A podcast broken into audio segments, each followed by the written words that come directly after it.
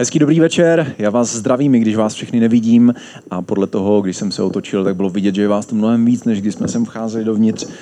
Jsem rád, že jste tady. Dneska, jak už Jana říkala, tak eh, budeme mluvit o tom, jak se vyrovnávat se stresem, nebo taky s tlakem, je víceméně jedno, jak tomu budeme říkat. Já bych byl rád, kdyby realita v České republice byla skoro podobná tomu vtipu, jaký Jana říkala, byla, že sedm z deseti je ve stresu, dva jsou v zahraničí a jeden jeden chodí do církve nebo věří v Boha. A to by bylo krásný, byť procenta v Česku tomu teďka nenapovídají, tak se o to můžeme dál snažit. A být pod tlakem, to je něco, co zažíváme většinou v práci, zažíváme to často ve škole, samozřejmě to zažíváme i v rodině, byť bychom si tohle možná nejlepší odmysleli, protože paradoxně tyhle tlaky bývají, bývají někdy nejhorší. Konec konců ale být pod tlakem, to je něco, co můžeme zažívat taky v církvi a ono to k tomu patří. Nemůžeme si to odmyslet a byli bychom bláhoví, pokud bychom si mysleli, že ne, ale snad ten dnešní večer nebude tenhle případ. Bude, bude příjemnější.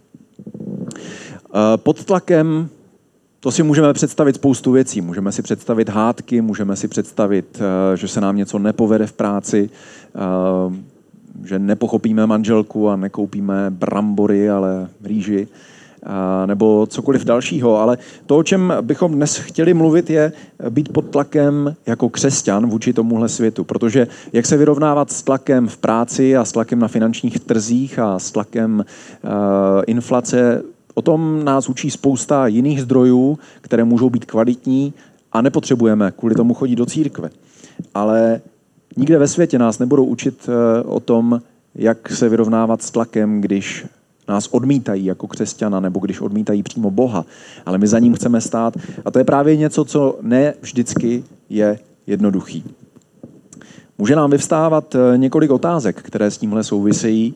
A Můžou znít třeba, je celá Bible dnes pořád relevantní? Včera jsem mluvil s Bédou tamhle na nádraží a říkal jsem mu něco z Bible a on se netvářil zrovna, že to, co jsem mu říkal, to, jak jsem mu citoval tu novou kralickou nebo starou kralickou možná, ostříhejš se od hříchu, že by tomu vůbec rozuměl. To neznamená, že bychom museli s lidmi mluvit eh, ve starokraličtině samozřejmě, ale možná si tu otázku pokládáme. Nebo opravdu eh, Bůh miluje všechny lidi? Protože to je těžká otázka. Jak se k tomu postavit? My věříme, že ano, ale pak můžeme dojít eh, k takové teologické debatě, když Bůh všechny miluje, proč někteří jdou do pekla? Jak to, že se to může dít? A potkáte spoustu lidí, kteří vám řeknou, peklo vlastně není, ale nazývají se křesťany a říkají, je jenom nebe a když eh, budeš žít nějaký život, tak se dostaneš do nebe. A tohle nás staví do tlaku tak co teda mám říkat, čemu mám věřit? Nebo jaká je v tomhle světě má role jako následovníka Ježíše Krista? Co to znamená? Mám stát na rohu a hlásat něco, nebo, nebo mám žít takový nebo makový život? Jak se stát, eh, jak stát pevně ve víře a zároveň být součástí dnešní kultury? To si myslím je jedna z nejpraktičtějších a nejtěžších otázek, eh, které tady teď mám. Tohle je velice těžká záležitost. Protože člověk na jedné straně se může tak lehce nechat vstáhnout do světa, žít eh, úplně světsky a do církve jenom přijít v neděli a tvářit se, že, že to je vlastně fajn, nebo dokonce přestat chodit do církve a jenom tak nějak kde si v koutku mysli věřit v Boha a říkat si, jasně, v Boha věřím, ale žít si úplně jiný život. Ale na druhé straně taky můžeme být někým, kdo se začne vymezovat až příliš vůči věcem, o kterých si myslíme, nebo můžeme myslet, že jsou světské, jako třeba sport. Já jsem se setkal s jednou křesťankou, která, eh, když já jsem byl dítě, tak svému synovi, mému tehdejšímu kamarádovi na jeho otázku, co si myslí o tom krasobruslaři, který byl teď v televizi, jestli se jí líbí, řekla, tohle jsou světské věci, já to neřeším. Neřeším krasobruslení. Já mám třeba rád hokej a kdyby mi někdo v církvi řekl, na hokej se nedívej, protože to je světská věc, eh, tak bych se asi zhrozil a určitě bych eh, s takovým člověkem nebo v takové církvi nechtěl být. Tohle nás prostě dostává do tlaku. A, a vidím dneska, že tu máme děti, což a říkal jsem si, ty jo, tak teď bych v ICF klidně byl dítětem a klidně tam chodil, protože vypadá skvěle. A, ale co je otázka v souvislosti s dětmi, které já ještě nemám, takže možná kážu o něčem, co neznám, ale určitě je to těžká věc, vést svoje děti k Bohu. Konec konců, když já jsem byl dítě a když si to přehraju zpátky a podívám se zpátky na ten čas, tak uh, to muselo být někdy těžký mě vést k Bohu, protože jsem ne vždycky byl poslušný, ne vždycky jsem dělal to, co chtěla moje maminka, ale Bohu jí se to uh, tak nějak nakonec snad povedlo, i když to dneska ještě úplně říct nemůžeme. Pojďme se podívat na video. Vidíte to, jak padám tady. Po skončení vlády králů Davida a Šalamouna se království během občanské války rozdělilo. Na severu byl Izrael a na jihu byl Juda. Severní kmeny začaly uctívat modly. Bůh je opakovaně varoval, ale oni ho ignorovali. Proto si je podmanili Asyřané. Ačkoliv to byl odstrašující příklad, Juda začal také Boha opouštět. Ignorovali varování proroků, mezi nimi i Jeremiáše. Následně byli odvedeni do otroctví pod nadvládu Nabukadnezara. Mezi nimi byl i Daniel. Nabukadnezar měl sen. Král si proto nechal zavolat věžce, kouzelníky, čaroděje a mágy. Zdál se mi sen, který mě rozrušil. Musím se dozvědět, co znamená. Ať žiješ králi na věky, Rač nám prosím ten sen vyprávět a my jej vyložíme. Ne, vy mi sdělte onen sen i jeho výklad. Ale to není možné. Pokud mi nepovíte, co se mi zdálo, čeká vás jediný trest. Domluvili jste se, že mi budete namlouvat lži a báchorky, dokud mě to nepřejde. Nuže, povězte mi ten sen, ať poznáme, že mi ho dovedete i vyložit. Král žádá nemožné. Nikdo to jeho výsosti nedokáže sdělit, kromě bohů, kteří však mezi smrtelníky nebydlí. Rozlítil se tak, že nařídil popravy všech mudrců v Babylonu. Hledali také Daniela a jeho přátele, aby je popravili. Prosme Boha nebes o slitování a zjevení toho tajemství, abychom nebyli popraveni s ostatními babylonskými mudrci. V noci pak Danielovi bylo to tajemství zjeveno ve vidění. Daniel proto chválil Boha nebes a vydal se za králem. Ty bys mi uměl sdělit, co jsem viděl ve snu a co to znamená? Ptal se ho. Spatřil si jakousi velikou sochu. Hlava té sochy byla z čistého zlata, hruď a paže ze stříbra, břicho a boky bronzové, stehna železná a nohy z části železné a z části hliněné. Díval ses a hle, ze skály se bez dotyku lidské ruky vylomil kámen, zasáhl sochu do železných a hliněných nohou a rozdrtil je. Vítr vše roznesl, že po nich nezbylo památky. Ale ten kámen, který sochu zasáhl, se stal velikou horou a zaplnil celou zem. Takový byl tvůj sen. Teď povíme královské výsosti jeho výklad. Bůh nebes ti dal království a moc, sílu i slávu. Dal ti do rukou celý obydlený svět – ty jsi ta zlatá hlava. Po tobě ale povstane jiné království, slabší než to tvé. Prsty nohou z části železné a z části hliněné znamenají, že to království bude z části silné a z části křehké. Za dnů těch králů však Bůh nebes nastolí království, které se nikdy nezhroutí. To království rozdrtí a ukončí všechna ostatní království, samo pak potrvá na věky. Král Nabukadnezar padl před Danielem na tvář. Váš Bůh je opravdu Bůh bohů, pán králů a zjevovatel tajemství. Vždyť ty jsi mi to tajemství dokázal vyjevit. Král pak Daniela povýšil a zahrnul ho množstvím vzácných darů.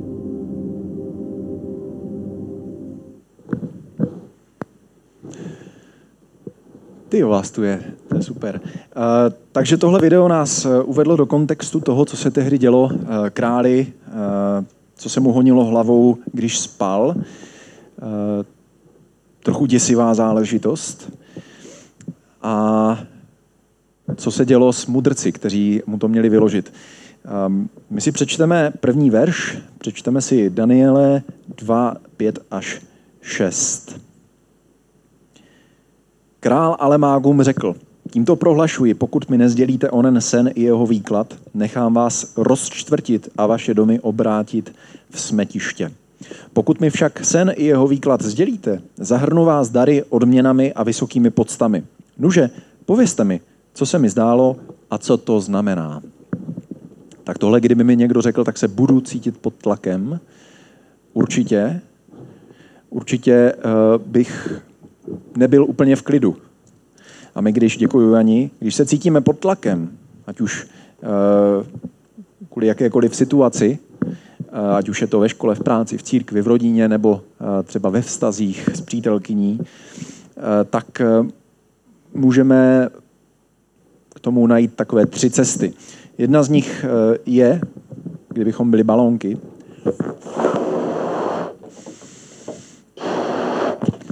pokud bychom byli balónek a byli bychom pod tlakem, tak skončíme takhle. A prásknem bude po nás. Je uh, to zvládat a je Janí, ty si mi ho zasukovala. Jana, Jana mi zničila ilustraci. Ale to vůbec nevadí, já vám to popíšu a vy si to představíte. Já bych tento balónek teď vzal a abych ho mezi vás pustil a on by udělal takový ten klasický zvuk a spadl by takhle. Takže to je druhý způsob, jak se vyrovnat s tlakem. A nejlepší způsob, jak se vyrovnat s tlakem, je neprasknout ani, ani neutéct jako balónek, ať už nafouklý nebo nenafouklý, ale prostě to nějak zvládnout. A e, tohle se může povést i nám. Může se to povést i nám jako křesťanům, když se vyrovnáváme s nějakým tlakem. Máme na to eh, několik takových pravidel nebo zjednodušení toho, co si tady dnes říkáme, která si můžeme odnést z toho kázání. První z nich je, když tlak vzroste, tak zůstaň v klidu. To se lehko řekne, že? To se lehko řekne tomu člověku na pódiu, když tlak vzroste, zůstaň v klidu. E, protože ten pod tlakem není, ten pod tlakem nebývá eh, a prostě vypadá v pohodě. Ano, já vím, lehko se to řekne, ale eh, dá se to udělat. Co to znamená? Může to znamenat cokoliv. Může to znamenat, že eh, jste na Facebooku jako každý normální člověk. Nechci říct, že pokud nemáte Facebook, tak nejste normální. Jste, i když to není úplně obvyklý dneska. Ale to je jedno. Když, když je křesťan na Facebooku, eh, tak byť je to eh, sekulární sociální síť, tak se tam setkávají i křesťané a někdy ty diskuze, ke kterým já jsem se třeba měl možnost dostat, byly šílený. A já jsem žasnul, že lidi, kteří si říkají křesťani, si vyměňují takovým způsobem svoje názory. A někdy uh, můžeme být my tím předmětem těch názorů, tím předmětem té kritiky teologie nebo přístupu k Bibli, přístupu k Bohu. A pak je otázka, jestli na tohle vůbec reagovat, jestli se pouštět eh, do, do těch ostatních a říkat jim, ty nejsi křesťan, když a tohle přece není křesťanství a tohle není správný přístup k Bibli. A já myslím, že ne, že jediný, co bychom v tu chvíli měli udělat, je zůstat v klidu a nechat to být. Protože my jako křesťani nemáme vyvracet názory ostatních. Nemáme chodit po světě a říkat, vidíš, tady tohle píše Bible, čti to jinak, čti to takhle, dělej tohle, názor Boha na tohle je takový. To není náš úkol. A dokonce není ani náš úkol, když nás lidi budou kritizovat, tak se nějak veřejně obhajovat a ukázat, že takový nejsme. Samozřejmě někdy na to je prostor a někdy to je důležitý. Ukázat, že hele, neříkej to o mně. Jo, já nechci, abys to dělal, ale po, když jsme pod tlakem, tak se za každou cenu nemusíme vždycky bránit. Můžeme to prostě nechat být, protože moudřejší ustoupí. Daniel 2.14, 2.15. Když Arioch, velitel královské stráže, vyšel pobíjet babylonské mudrce, Daniel s ním promluvil moudře a uvážlivě. Oslovil králova zmocněnce Ariocha takto. Čím to, že král vydal tak přísný rozkaz? Daniel se prostě zeptal, co se to děje, proč, proč král chce zabít všechny mudrce, včetně mě. A Daniel nezačal utíkat, nebyl jako balonek, který by praskl, nebo balonek, který by vyšuměl někam eh, do babylonské říše, ale zůstal na místě a jenom se ptal. Takže když jsme pod tlakem, tak na místo obrany za každou cenu můžeme zůstat v klidu a zamyslet se a otočit se na Boha a zeptat se, co se děje. A s tím souvisí ten další bod, který, který je se svým problémem důvěřuj Bohu. Takže pokud tě někdo kritizuje v práci, pokud se ti někdo vysmívá ve škole, eh, nebo možná v rodině, protože jsi křesťan, pokud někdo tě hání za to, že jsi mu řekla evangelium, nebo cokoliv dalšího, tak se svým problémem důvěřuj Bohu. Neobracejme se na toho člověka, neříkejme mu, jak půjde do pekla, protože nechce věřit Bohu, nebo eh, jak za mnou Bůh stojí a s ním si to vyřídí, protože jemu nechce věřit, nebo nás kritizuje. Tohle není náš úkol. Náš úkol je věřit Bohu. Daniel 2.16. Daniel šel za králem a požádal o čas, aby mu mohl sen vyložit. To stejný můžeme udělat my. Vzít si čas. Nějak, pokud to jde. A my jako přirození lidi, o to víc v dnešní společnosti sociálních sítí, automatů na kávu, který už teda jsou hodně překonaný, ale, ale v, tě, v té době věcí, které jsou standardně rychlý a instantní, jako čínská polívka, kterou mám rád, eh, což Michal může potvrdit, tak eh, chceme všechno hned. A když přijde nějaký problém, tak říkáme Bohu, bože, dej nám řešení a dej nám to řešení co nejdřív, co nejrychleji, co nejlepší.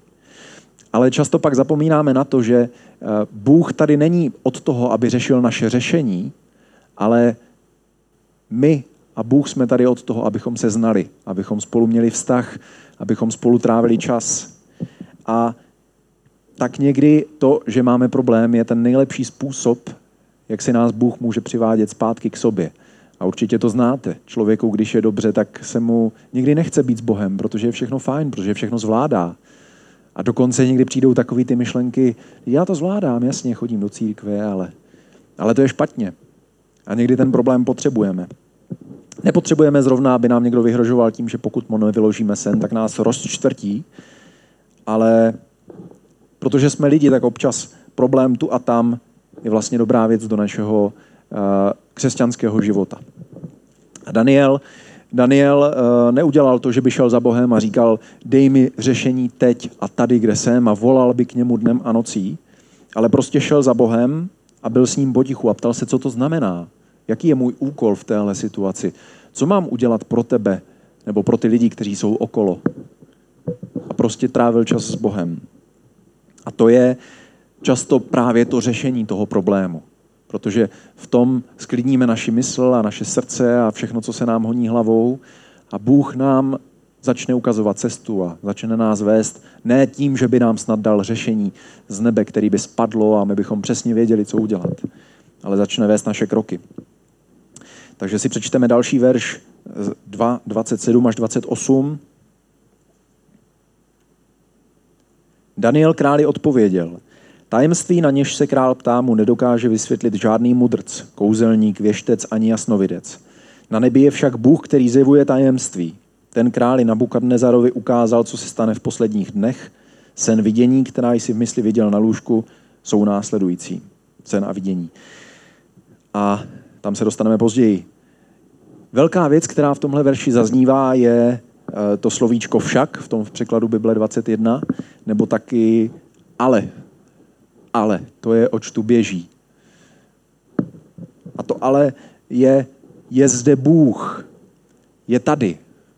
Nikdo ti to na zemi nedokáže vysvětlit. Ani já, ani mudrcové, které už si popravil. Ale Bůh umí. A to je stejné v našich životech to je stejné při těch problémech, do kterých se můžeme dostat. Když eh, se my ptáme, nebo když se naše okolí ptá, co dělat, tak eh, často si musíme přiznat, já nemám řešení, on nemá řešení, nikdo. Ale na co bychom měli pamatovat, je to ale. Ale je tu Bůh, který je větší, který je silnější, který má plán, který má dobré věci. Takže i když náš život vypadá jako jedna velká potíž, jako jeden velký tlak a stres a patříme mezi těch osm, kteří zůstali v České republice a kteří jsou pod stresem, tak je zde Bůh. Ať už se stalo cokoliv. Bůh má totiž všechno ve svých rukách. A má všechno pod kontrolou. Takže když si v životě připadáme, že se vznášíme časem a prostorem a vlastně nevíme, co se s námi děje a odkud nás odrazí ten život dál jako pingpongový míček nebo balónek, tak eh, si pamatujme, že je zde Bůh, který je alfou i omegou a všechno zvládá a o všechno se postará. Eh, já jsem před nějakou dobou eh, se rozhodl prodat podíl na domě, který jsem vlastnil – Eh, takový rodinný velký dům, někteří z vás jste tam byli a znáte ho, strašidelný dům tomu lidi říkají v té čtvrti. Dokonce ho koupila nakonec společnost, která tam dala velký banner, než ho opraví a na tom, na tom domě je teď napsáno dům jako z Hororovy ulice. On je na Horové ulici a byl z Hororovy ulice. A pro mě je to dneska, když se zpátky otočím, tak velký příběh o tom důvěřovat Bohu.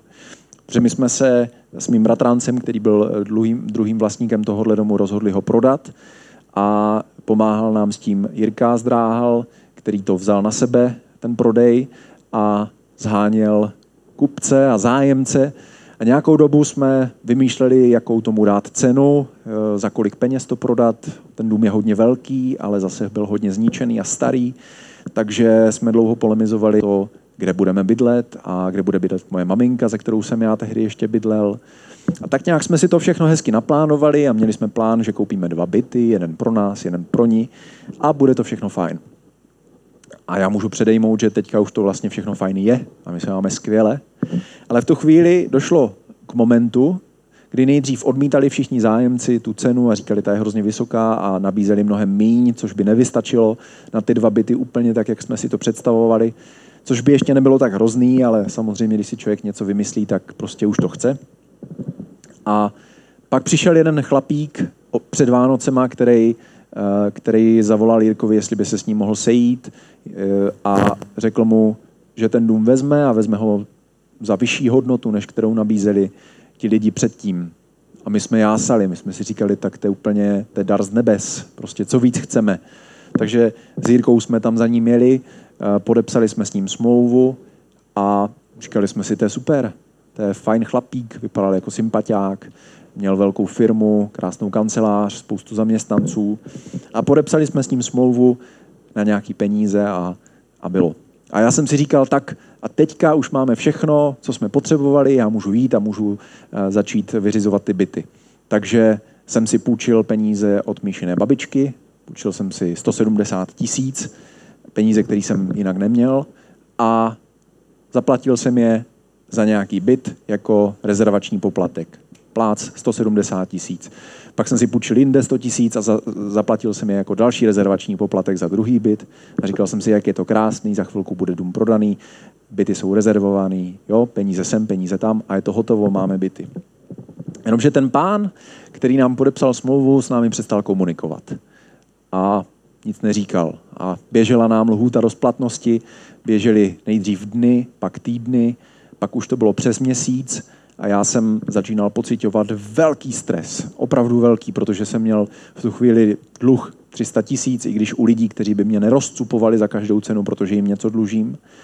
Ale dlužil jsem skoro 300 tisíc, dům prodaný nebyl a situace na trhu se různě měnila, my jsme nevěděli, co bude.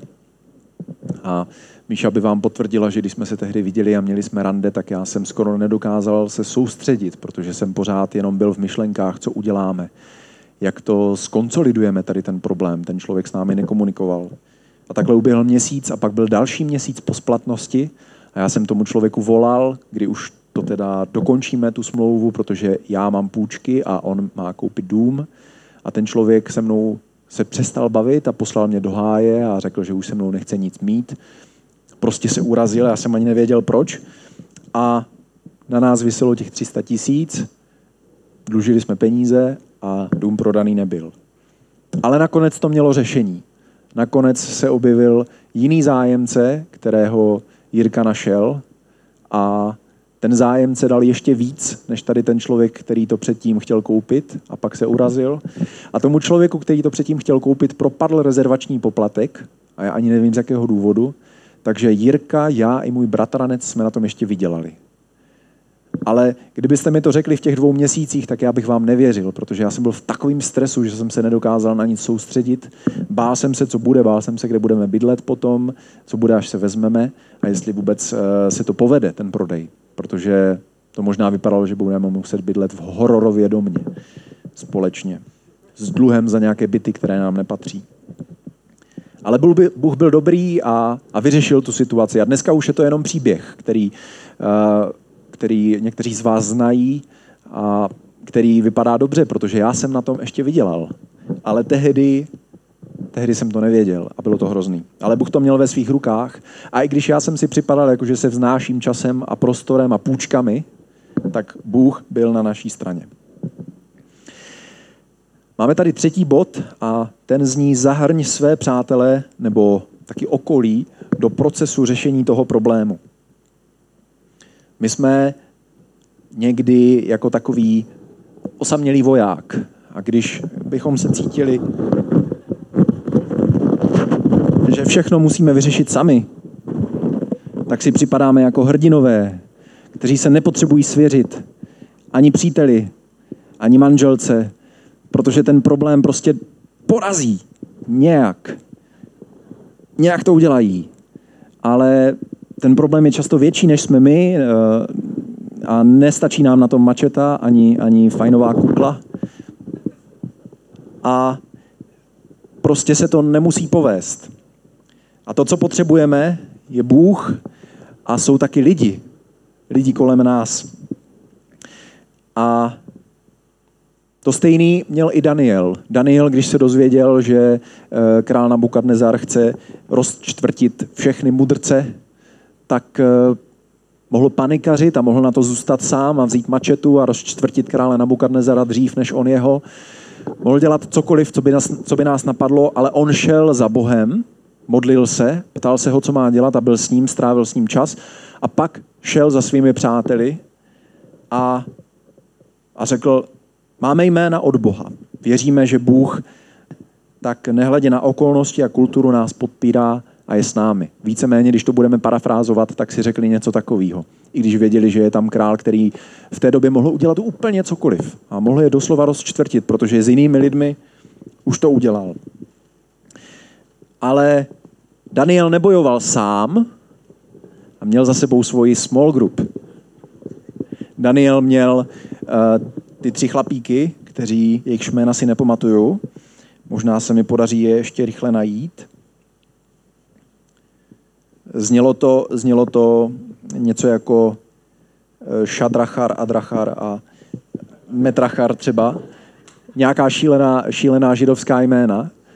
Eh, ale tohle byla jeho small group. A když Daniel pak zjišťoval, že, eh, že by ho měli rozčtvrtit, tak tihle kamarádi tihle kamarádi ho podrželi, stejně jako tahle parta, ke které se teďka přidal taky Patrik. Patrika vítáme u nás v církvi.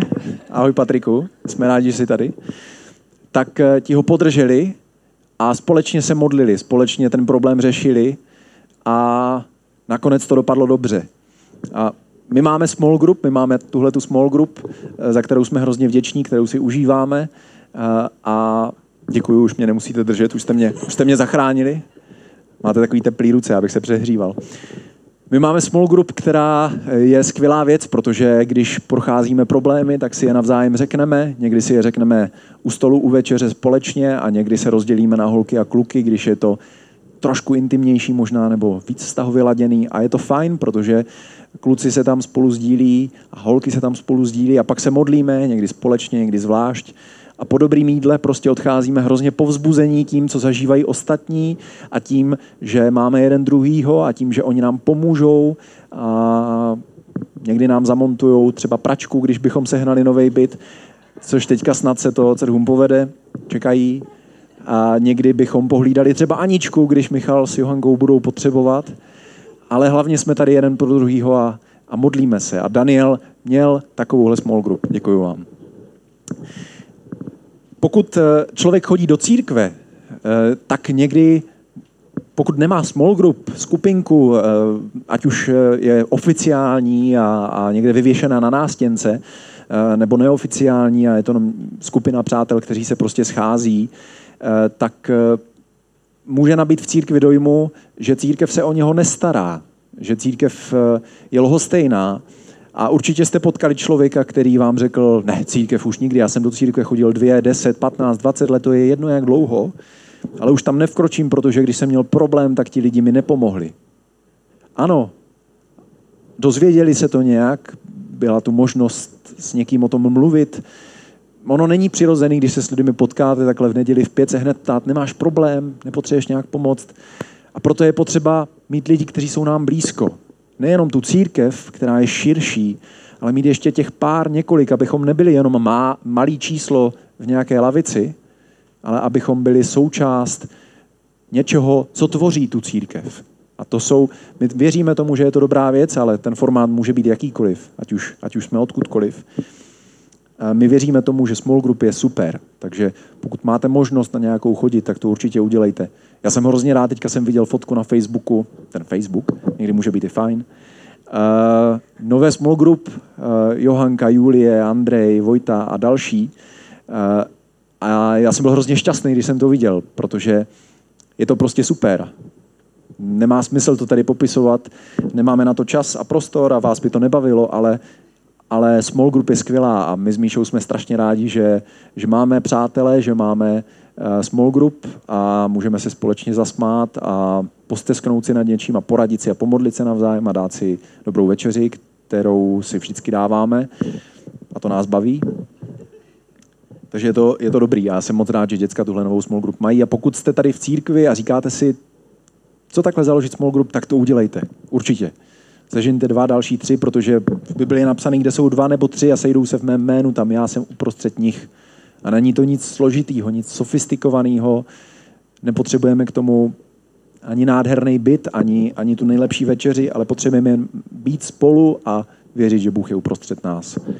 A, a pak se problémy řeší úplně jinak. Takže Daniel takovouhle měl a díky tomu eh, docházel řešení. Samozřejmě eh, bychom měli podotknout, že jsou problémy v našem životě, které musíme vyřešit sami. Jsou prostě věci, které se týkají nás a nemůžeme je přenést na ostatní, ale můžeme si nechat poradit. Můžeme se s ostatními modlit. A už jenom to někdy pomůže. Už jenom to, že oni s námi uvažují, že nám naslouchají. Už jenom to, že my o tom mluvíme a slyšíme sami sebe a napadají nás myšlenky, pomůže. Takže určitě není zdravý si držet problémy sami pro sebe, ale, ale je, je dobrý o tom mluvit s někým. A i tak velký člověk, jako je Daniel, který ho známe z Bible, a když se řekne tohle jméno, tak si řekneme, jo, tak to byl ten velký prorok Daniel, který dokázal spoustu věcí. Tak měl svoje přátele a s těmi se sdílel.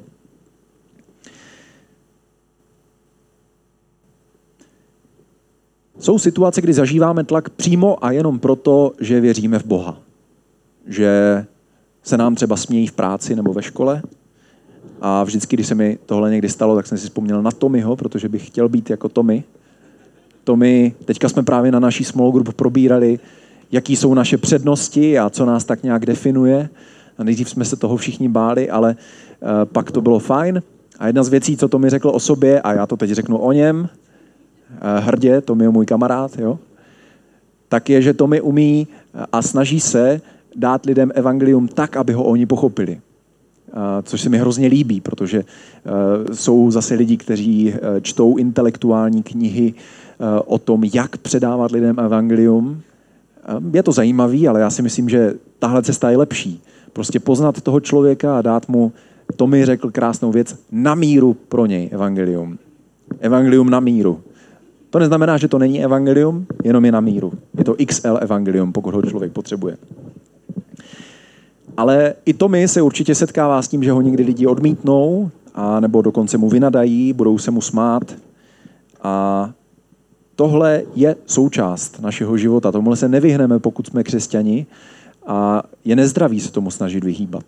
Na druhé straně eh, je možná dobrý to vyhledávat, protože ne všichni nás budou akceptovat, ne všichni nám uh, budou děkovat za evangelium, ale někteří uh, možná budou jako jeden z deseti a zůstanou nakonec v církvi.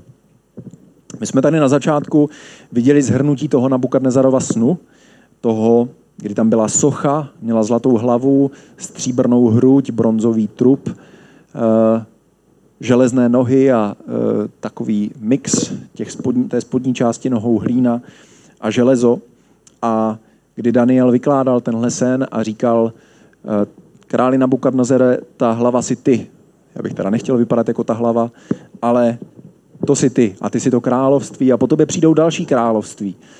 Když se podíváte na internet nebo do knih, tak najdete různé výklady toho, co jsou ty království. Některý vám budou jmenovat Babylon, Asýrii a Perzii a tak dále. Některý vám budou jmenovat novější světové uskupení, jako USA, Evropskou unii a na tomhle vůbec nesejde. To je úplně jedno, eh, protože co je pro nás důležitý, je to, jak ten příběh končí eh, s tím snem, kdy Daniel říká, eh, pak přijde velká skála a ta porazí ty nohy, které jsou ze železa a hlíny, zničí je a celá ta socha se zbortí a už nikdy to nepůjde úplně dát dohromady, ale ten kámen, ta skála, která se přivalila, ta bude růst a bude větší.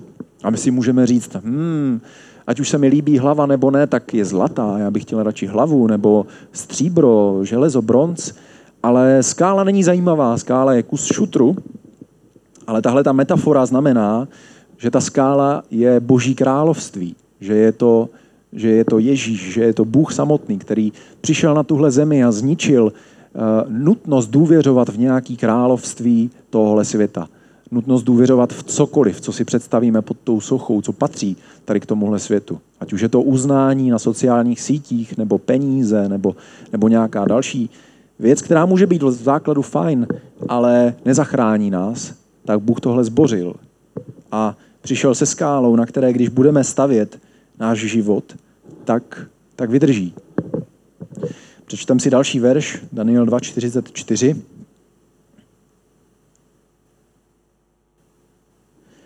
Za dnů těch králů však Bůh nebes nastolí království, které se nikdy nezhroutí. Království, které si nepřivlastní žádný lid. To království rozdrtí a ukončí všechna ostatní království. Samo pak potrvá na věky. A to je to království, které potrvá na věky. My ho tady teďka společně budujeme. Pecka, že? Budujeme tady království. A není to nějak složitý. Prostě se sejdeme, máme worship, máme kázání, eh, mávneme tady párkrát mačetou. Já si z toho dělám legraci, ale takhle to opravdu je. Pak se sejdeme na small group a budujeme tím království. Nebo Ježíš skrze nás buduje království. Protože všechno, všechno, v co bychom doufali tady, tak jednou skončí.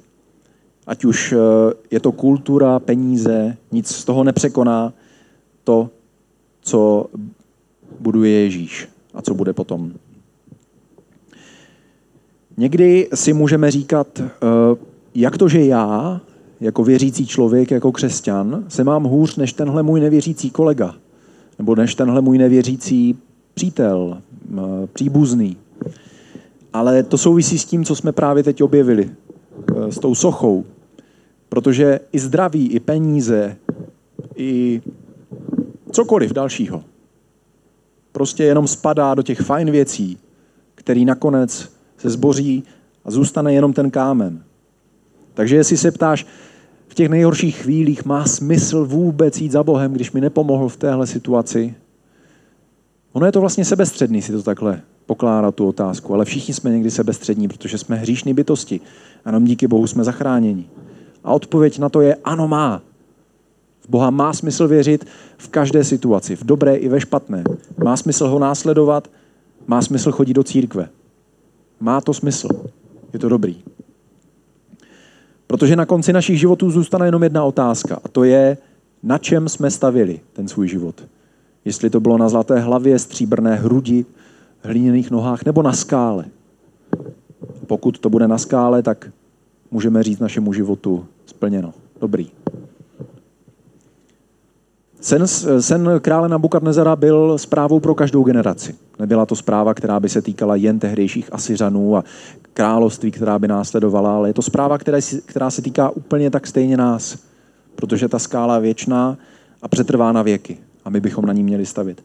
V angličtině je, takové rčení, které říká forever young, forever, forever cash, forever fe, fresh. Vidíte, já to ani nedokážu říct. Takže ještě jednou forever young, forever fresh, forever cash. A kdo by to nechtěl, že? Já to taky chci, samozřejmě.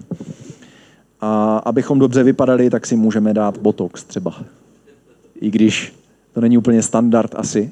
A botox si nedává jen tak někdo. Ale konec konců na tom není nic špatného. Tak si člověk dá botox a bude mít kulatější a hezčí tvář. Eh, nebo pokud chce udržet dobrou fyzičku, tak by měl cvičit a jíst hodně smoothie. Eh, jasně, super věc. My se teďka s Tomem snažíme hecnout, abychom běželi nějaký závod a oni nám ho zrušili, ten závod. Zaplatili jsme 1100 korun, chtěli jsme mít fyzičku, být forever young, fresh a cash. A oni nám to ničí, tu představu. Ale závod se možná bude konat jindy a když tak si vyžádáme peníze a i kdyby ne, tak poběžíme jiný. A budeme forever fresh. A pokud chceš být bohatý, můžeš investovat třeba do Bitcoinu, který teď trošku klesl, ale on zase vystoupá, ale stejně je to jedno, protože ani na Botoxu, ani na smutí a na závodu, který ti zrušili, ani na Bitcoinu nezáleží. Protože jediný, na čem záleží, je ta skála, na které stavějeme svůj život, která je pevná a která někdy není až tak zajímavá. My k tomu jdeme a říkáme si skála, život s Ježíšem. Chceme od toho něco extra, ale život s Ježíšem je vlastně jednoduchý. Ježíš nám dává jednoduchá, ale dobrá pravidla. A když se do nich začteme a zjistíme, že nám je nedává proto, protože by po nás něco za každou cenu chtěl, ale protože, po nás, protože nás miluje, tak ten život začne být zajímavý. Takže život s Ježíšem je jednoduchý, ale je zajímavý. A ty těžkosti, které zažíváme, ty můžeme překonat, když zůstaneme v klidu, když se budeme otáčet na Ježíše, když se budeme modlit se svými přáteli, když budeme vědět, že Bůh je nade vším, ať se děje cokoliv. Protože 80 let je nic v porovnání s věčností, která nás čeká, která by měla následovat po skále tady na tom světě. Takže co bychom si dneska měli odnést, je stojíme na skále. Stavíme svůj život na skále každý den, každý týden, každý měsíc, každý rok. A když se ti včera něco nepovedlo a nestavil si svůj život na skále, tak to nevadí, zkus to dneska nebo zítra. Nic se neděje. A když víš, že to nestihne zítra, stejně to zkus. A zkus to pozítří a dělejme to dál. Protože Bůh si neočkrtává, co se nám povedlo a nepovedlo, ale Bůh se dívá na naše srdce. Bože, my ti děkujeme za to, že jsi dobrý.